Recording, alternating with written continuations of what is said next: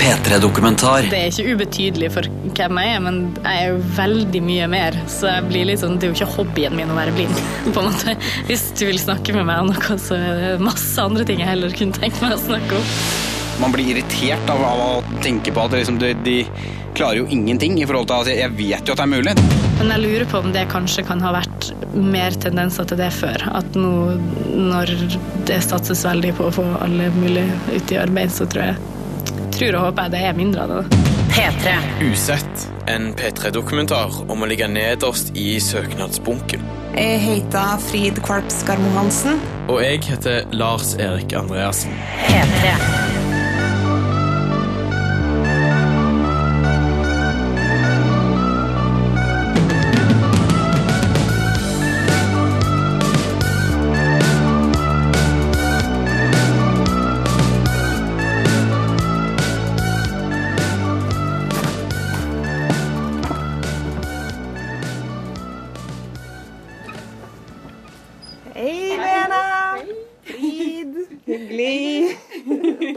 Oktober så for jeg til Melhus i Sør-Trøndelag, og der, i et kvitt rekkehus, så møtte jeg jenta som de siste to årene har søkt 50 jobber og fått 50 nei. Lena Gimse heter hun.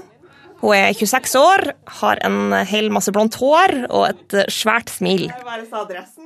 Lena hun er i en av disse gruppene som sliter med å komme seg ut i jobb. Det er jo egentlig ganske lav arbeidsledighet i Norge, men noen grupper de faller utenfor. Man vil jo gjerne ha sånn jobb, øh, og prøve og prøve og prøve, og enten ikke bli innkalt til intervju i det hele tatt, eller å av og til til og med være så å si på målstreken og ikke komme i mål. det, det er ganske frustrerende.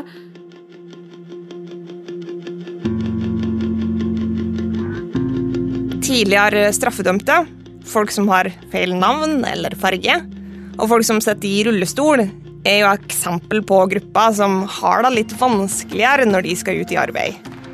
Men aller nederst i søknadsbunken så ligger den gruppa som Lena tilhører.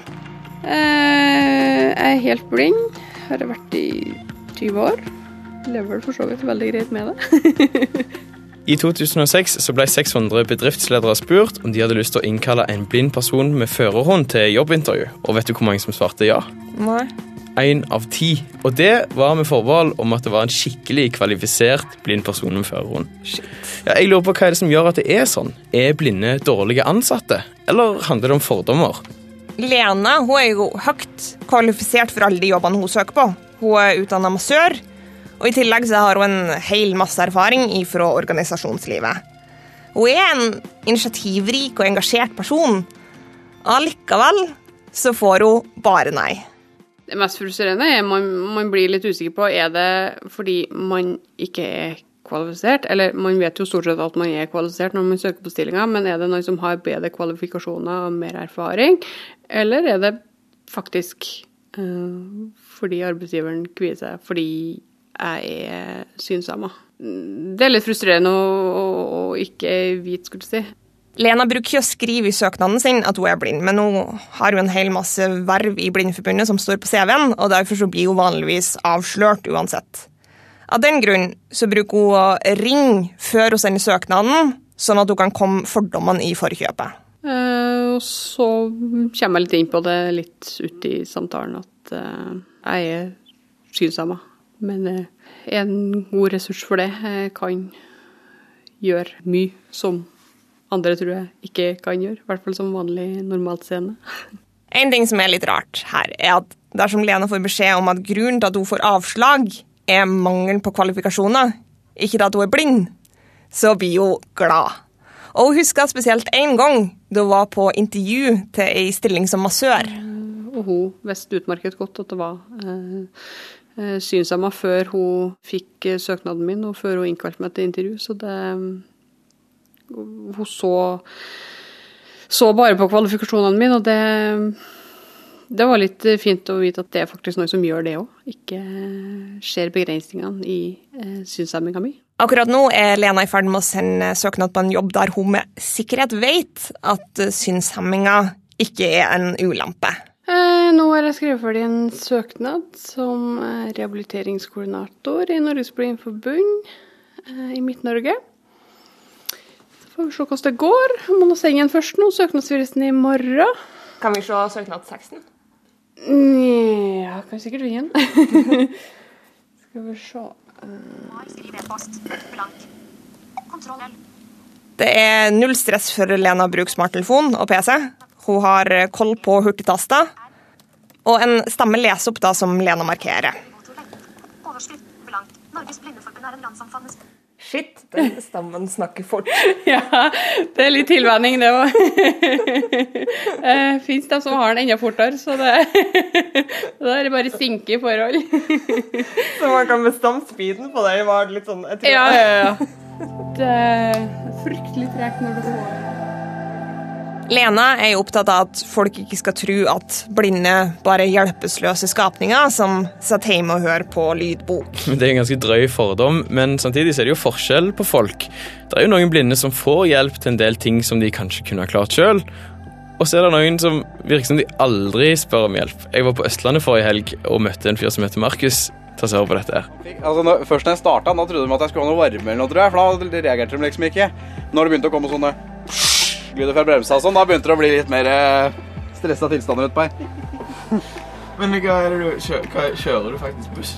Ja, altså ikke på hoved- og offentlig vei, da, for jeg har jo ikke busslappen. Men eh, jeg har uh, Inne på området her så har jeg flytta på dem, ja. Det er blant annet kjørt ut de to røde som står ute der nå. De er tatt ut her. Er det her en blind person som kjører buss? Det her er en blind person som kjører buss.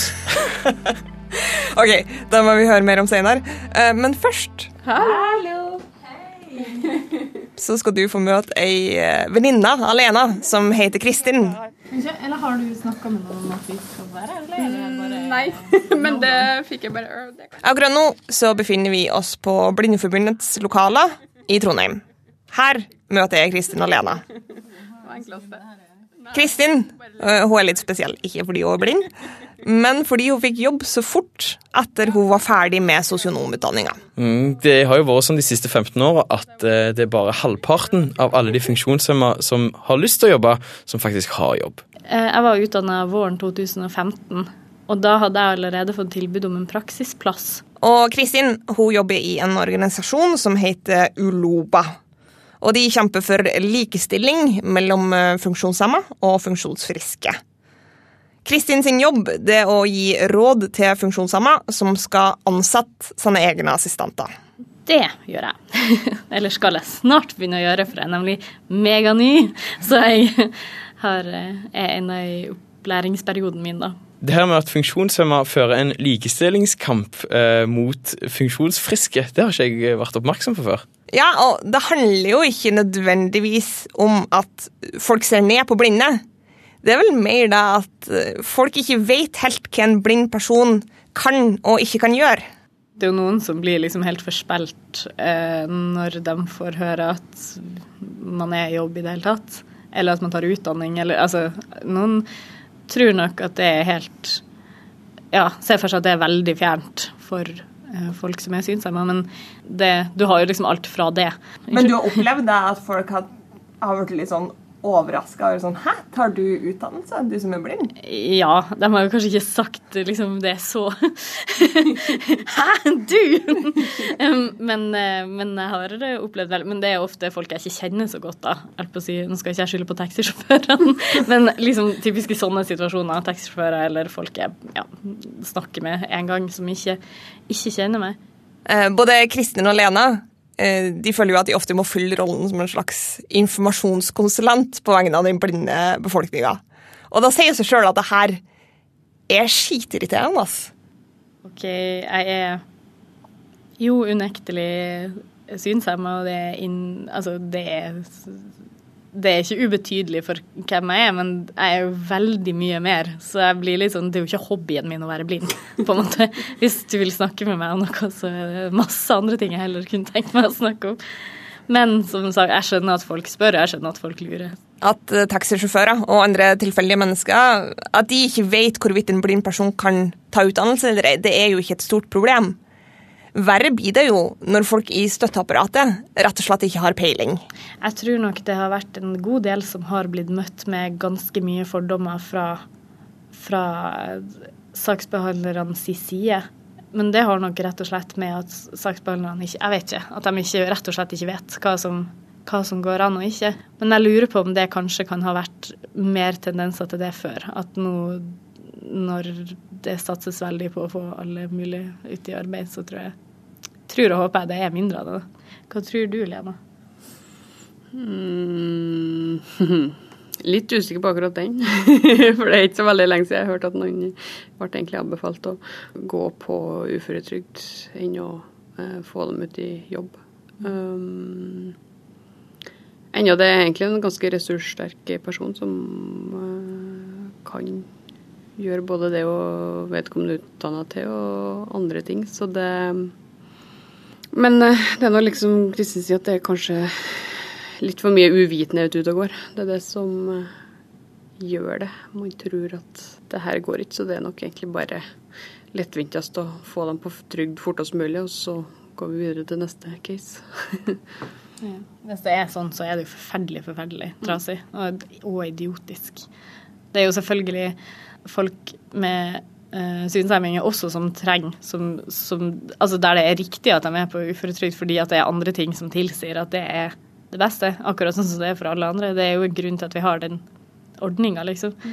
Uh, men om det på en måte blir tatt avgjørelser som bare går på at uh, du kan ikke se, vi har ikke noe vi skjønner ikke hvordan du skal kunne på en måte gjøre en jobb. Da, så Derfor så syns vi heller at du bare skal få penger og gå hjemme. Da er det ja, utrolig trasig.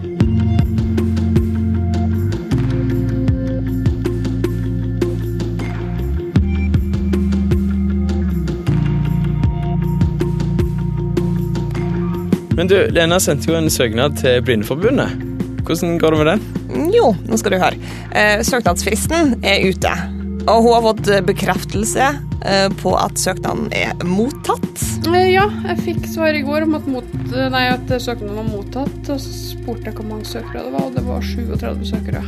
37 søkere. Ja. Men foreløpig så har hun ikke blitt innkalla til intervju. Eh, men jeg spurte om sånn søkelista, men det sier de ikke er noen offentlig bedrift, så gir de ut sånne ting. Ah! men jeg vet i hvert fall hvor mange det er. Men det, 36 for mange, det spør du meg. ja, denne gangen er det iallfall ikke det at hun er blind som hindrer henne fra å få jobben. Nei, men akkurat det, det med å få jobb i Blindeforbundet, det vekker litt motstridende følelser i Lena. Sjøl om hun har, hun har jo helt klart dritlyst på den jobben.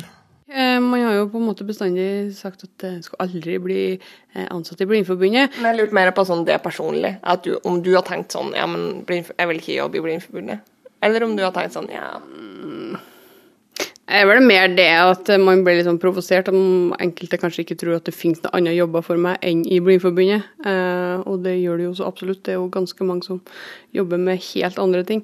Eh, så det er vel mer det enn at man har sagt at man aldri skal jobbe i Blindeforbundet. Det er bare Man blir litt sta av og til. ja, men jeg forstår. For at man får Når folk sier du kan sikkert jobbe i Blindeforbundet, så er det en sånn der kanskje liten undertone av at det ikke er en ekte jobb, på et vis. At det er noe sånn jeg vet ikke. Ja, enten det eller det, liksom, det er det du kan som synshemma, så er det å jobbe i Blindforbundet, for der tilrettelegger dem, og der er det arbeid for deg, skulle jeg si. Det, de tar ikke høyde for at det finnes ganske mye annet vi kan uh, gjøre enn å jobbe i Blindeforbundet.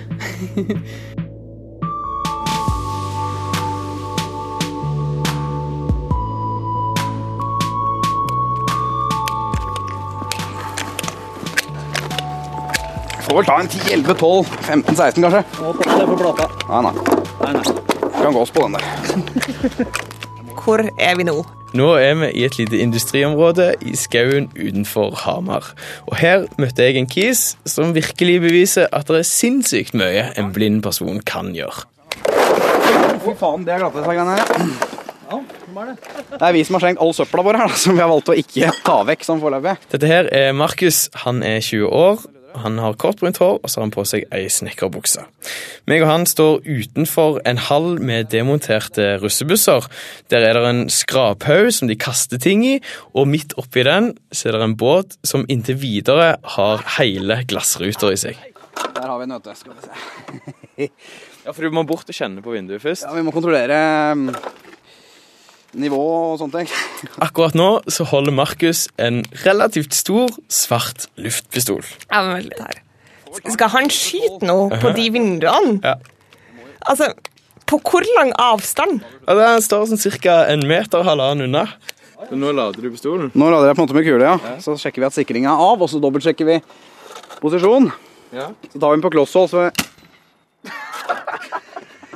Men den går faen meg rett igjennom glasset, vet du. Det blir jo hull i glasset. Hvorfor går ikke glasset? Er det du som har kjøpt inn eh, luftpistoler sjøl? Eh, Den her? Ja. Ja, den er jeg som har kjøpt, ja. Og det var ikke noe reaksjon i dem som handla av på butikken her. Nei, jeg signerte alt mulig, det var helt greit. Jeg, må bare- jeg må bare snu meg vekk her. Vent litt. Ok, nå er jeg klar. Der bomte du. Nei! Det var første bom, da. Ja. Rett etter videregående så stifta Markus AS. Han driver og pusser opp og selger videre russebusser. Nå i vinter så står det ti busser i hallen hans. En av de skal snart inn til kontroll hos Vegvesenet, og det er veldig mye som må gjøres før de kan sende den inn. Det er veldig forskjellig hva slags utstyr folk skal ha, hva de ønsker. Den her vi står på nå, eksempel, får 26 seter, bardisk og lounge i hele bakenden, så den har jo eh, er et ganske stort prosjekt sånn sett. Men eh, ja, totalt med lyd, lys, maling utapå, maling innvendig, nytt gulv, nye vegger, pynting av taket, sveising, omtrekking, alt, hele greia, så ender det på rundt eh, 500 000 for de prosjektene her. Du har en jobb som på en måte ikke folk tror at blinde kan gjøre. Hvor vanskelig er det å selge eh, russebusstjenester til eh, tenåringer? Nei, det, det går eh, veldig greit, det. Altså, som regel så er jo kontakten via, via mail, eller ja, det er jo som regel henvendelse via mail. Eh, så det, går jo, ja, det går jo veldig av seg selv sånn. Det jeg blir jo, nevner jo ikke at jeg ikke ser der. Det som er utfordrende, er når folk kommer på visning, og du på en måte skal du skal stå der og snakke om tekniske ting og kjøreegenskapene til bussen og, og sånne ting, og du står der og aldri har kjørt bussen sjøl. Eller det har jeg jo, men det vet, tror jo ikke de noe på. det er jo litt Men det, det pleier som regel å gå greit, altså. Overraskende bra. Hva tid, for Du nevner du breaker ikke at du er blind. Det står ikke på nettsidene til selskapet Jo, det står jo om oss, men det er svært få som gidder å lese om oss. Ja, ja, ja. Eh, Men vi har skrevet det opp der, sånn at ingen kan komme og si at vi ikke har eh, sagt det fra, i hvert fall. Så da kommer folk hit, og så møter de opp, og så har de med Jeg pleier å si ifra sånn før de kommer ned i porten. Altså når jeg skal låse inn hovedporten opp her, for det er litt kjedelig når de kommer opp her og jeg ikke har sagt det, for det hender at folk blir litt sure og sånn, og det orker jeg ikke. Nei, de gjør det. Ja ja, det er noen som blir det, ja. Hvordan- Men, men at jeg ikke er kvalifisert til å ta det greiene der og sånn. Ja, For de, er, de sier det rett ut, liksom. Ja ja, det er noen som eh, Men det er stort sett ingen som tør å spørre om det face to face, da. Men det skjer på meldinger og sånn. Hvor det kommer liksom den her med sånn som jeg, jeg driver og tilbyr ombygging, og så er det noen som har googla f.eks. bedriften, funnet navnet mitt. Og så har de googla meg, ikke sant? og så har de funnet artiklene. Ja, de samme som du har lest, sannsynligvis. Og da skjønner de jo at jeg ikke ser. Og da blir det litt sånn der, hvordan kan du bygge om bussen når du ikke ser? Sånne ting som jeg forklarer at det er ikke jeg som gjør hovedombyggingen her. Det, det er det ikke. Markus har ikke andre ansatte enn seg sjøl. Istedenfor så leier han inn folk, og i dag så har han med seg sin seende businesspartner og russebussjåfør Per Kristian. Jeg trodde ikke noe på han jeg, når han hadde time til luftpistolen sin. Per Kristian er en mann i slutten av 30-åra med handsfree i det ene øret, skjegg og bussjåførmage. Han hjelper til med de tingene som Markus ikke får til fordi han er blind. Men det er ikke så veldig mye. Det skal sies at disse gutta som var her forrige helg, heller ikke trodde når jeg tok fram bussnøkkelen min. For å si det sånn, det var mer Ja, plutselig så starta bussen. Han fikk, altså når, Først når jeg starta, da trodde de at jeg skulle ha noe varme eller noe, tror jeg. For da reagerte de liksom ikke. Når det begynte å komme sånne lyder fra bremsa og sånn, da begynte det å bli litt mer eh, stressa tilstander utpå her. Men hva er det du kjører, kjører du faktisk buss? Ja, altså ikke på hoved- og offentlig vei, da, for jeg har jo ikke busslappen. Men eh, jeg har uh, Inne på området her så har jeg flytta på dem, ja. Det er blant annet kjørt ut de to røde som står ute der nå. De er tatt ut herfra. De sto der hvor de to røde våre nå står inne her. De, ja. Men hvordan gjør du det sånn helt seriøst? Det høres jo helt utrolig ut. Først så sjekker man vinkelen i forhold til porten, utkjørselen. Så setter man eh, hjula i den vinkelen man ønsker, og så venter man jo selvfølgelig til man har trykk og lignende, og så setter man eh, da i revers, eller det som måtte til for å få den ut. Eh, og så har jeg hatt eh, til tider en som har løpt ved siden av og kontrollert. Men det, hvis jeg skal flytte noe alene, så blir det bare å smelle saken i revers og ja, slippe den bakover en 4-5 meter. Og, eller spørs jo helt hvor god klaring du har bak. da, og Så går man ut og kontrollerer vinkelen forholdsvis ofte for å være sikker. For problemet med å rugge på ting med buss er at det merker du ikke. Det bare ja, det bare klemmer på en måte videre. For det veier jo 18 tonn, disse greiene her. Så det er liksom Og det skal òg sies at han som har vært og løpt, og løpt ved sida av, han er òg blind. Jeg lurer på hva som har gjort at Markus har blitt så modig på å gjøre ting i blinde. Ja, jeg tror det har litt med personligheten hans å gjøre. Men så har han òg hatt foreldre som har pusha han til å gjøre det aller meste. Når han var ti år, så sykla han rundt uten å se noen ting som helst. altså Mulig jeg brekte brekt en tå, liksom, men det er ikke noe store greier som jeg vet om. Det at han tør å ta sats, er kanskje grunnen til at han nå har sin egen bedrift. Og sjøl mener han at det er mange blinde som kunne ha fått til mer hvis de bare hadde prøvd. Man blir irritert av, av å tenke på at liksom, de, de klarer jo ingenting i forhold til at jeg, jeg vet jo at det er mulig. Det er liksom sånn der, ja, Hvis jeg hadde sett, så kunne jeg kanskje liksom hatt litt verre for å irritere meg over det, men jeg har jo full mulighet til å irritere meg over det når jeg faktisk vet at det går an. Det er bare, går jo bare på innstilling og hva man tør å prøve. Men altså selvfølgelig så sier jeg jo ikke det til personen. Det gjør jeg ikke. Hva unnskyldninger er det folk bruker, da? Blinde, når de lar være å gjøre alt de kunne ha gjort? Nei, det er stort sett det at man ikke ser, faktisk.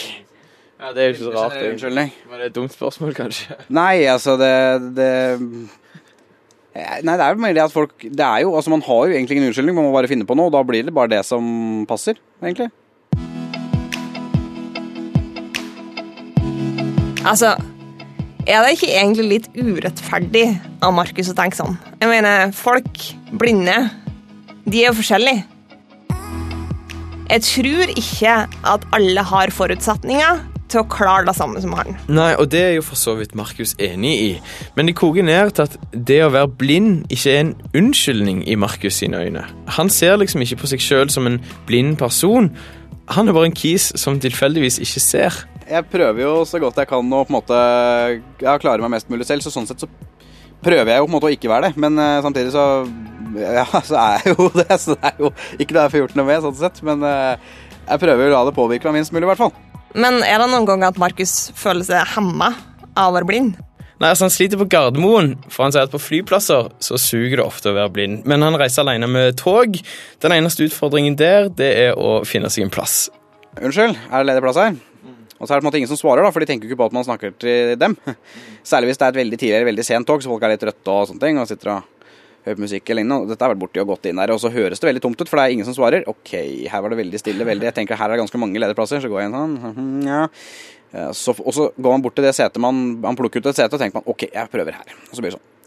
Prøver man liksom å liksom subbe liksom forbi setet med armen eller noe, for jeg tenker, Hvis noen stikker ut, så er det jo alltid noen som sitter her. Sånn. La oss som at det bare var et duell, liksom. Ja. Unnskyld. Ingen som svarer fremdeles. Da er det ledig. Og så begynner man å senke seg ned for å liksom tre seg inn på setet sidelengs, og da er det noen som Og da, da får du liksom den Oi, beklager, det var ikke meningen. Og da må du enten så må du late som at du snubla, hvis du får Prøve å komme deg unna med det, ellers er det bare å beklage. Og det, da er det jo kleint resten av turen, ikke sant? for du føler jo at den personen sitter og tenker på dette her lenge.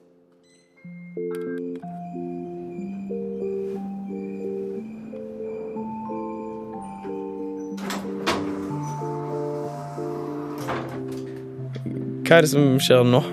Nå har vi kommet til den 16. november.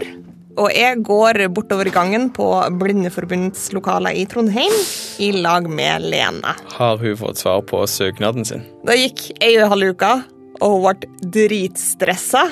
Men til slutt så ringte de, og nå skal hun på jobbintervju. Hvordan kjenner du det? Altfor mye sommerfugler. Hvor sjølsikker er du på at du skal få denne jobben? Jeg kan følge med klokka. Ja. Uh, ikke i det hele tatt.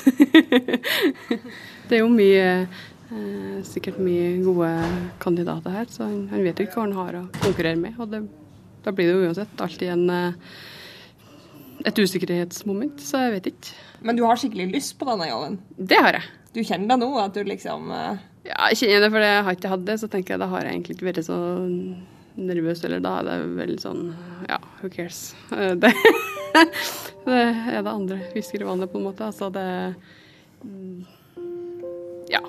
Klokka blir halv to, og Lena blir opp til den. Hun går med rolige skritt inn døra til intervjurommet. Vestlene klarer å overbevise folkene der inne om at hun er rett kandidat, så får hun for første gang i livet oppleve hvordan det er å forsørge seg sjøl. Og det her det handler ikke bare om penger. Det handler òg om trivsel. Om psykisk helse. Mm. Arbeidsforskningsinstituttet har jo faktisk forska litt på det, og blant de som er funksjonshemma og i jobb, så sier 60% at de føler seg som likeverdige borgere i samfunnet. Blant de funksjonshemma som ikke har jobb, er det tallet bare 28 Det er så sykt lite. Jeg blir litt trist av de der tallene. Så Hvordan kjenner du det nå? Oi, ehm, litt letta over å være ferdig. Og- Bare litt letta? Ja, veldig letta. Eh, Det er overstått. Eh, Det var et veldig fint intervju. Ja, men bra. Ja. sa de noe om når de skulle bestemme seg? Eh, Det er vel eh, sannsynligvis alle intervjuene i dag. Eller det er alle intervjuene i dag. Ah. Um, og så blir det vel bestemt i løpet av måneden her. Uh, ja. Så Og i dag så er det den eh, 16. 16. november. Så da Ja. Blir det to lange uker? blir det to veldig lange uker.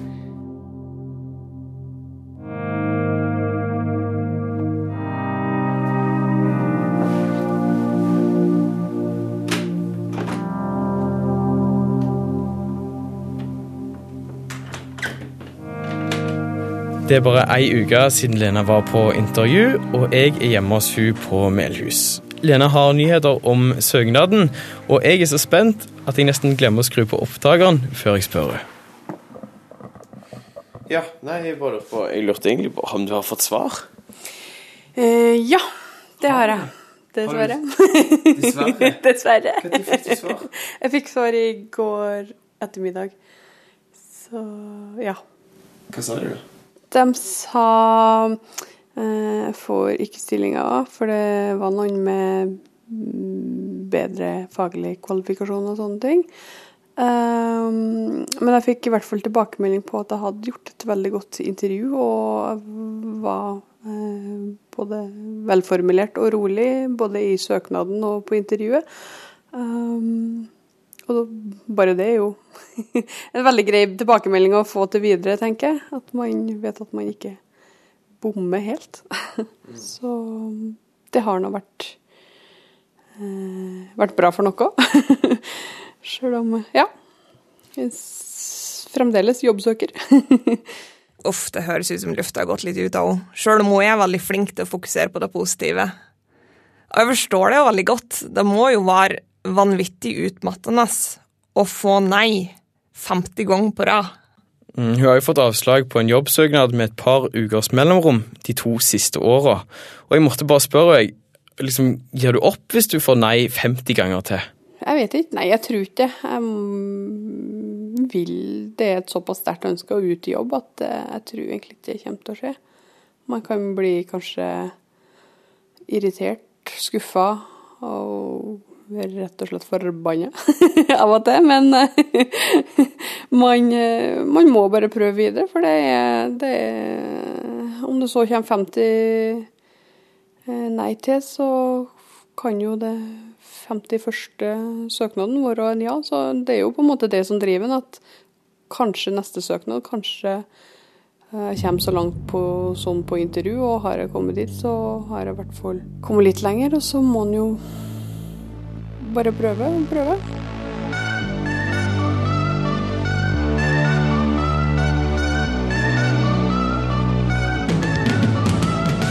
P3-dokumentar søndag klokka ni på P3. Se, les og lytt mer om denne historien når du vil på p3.no.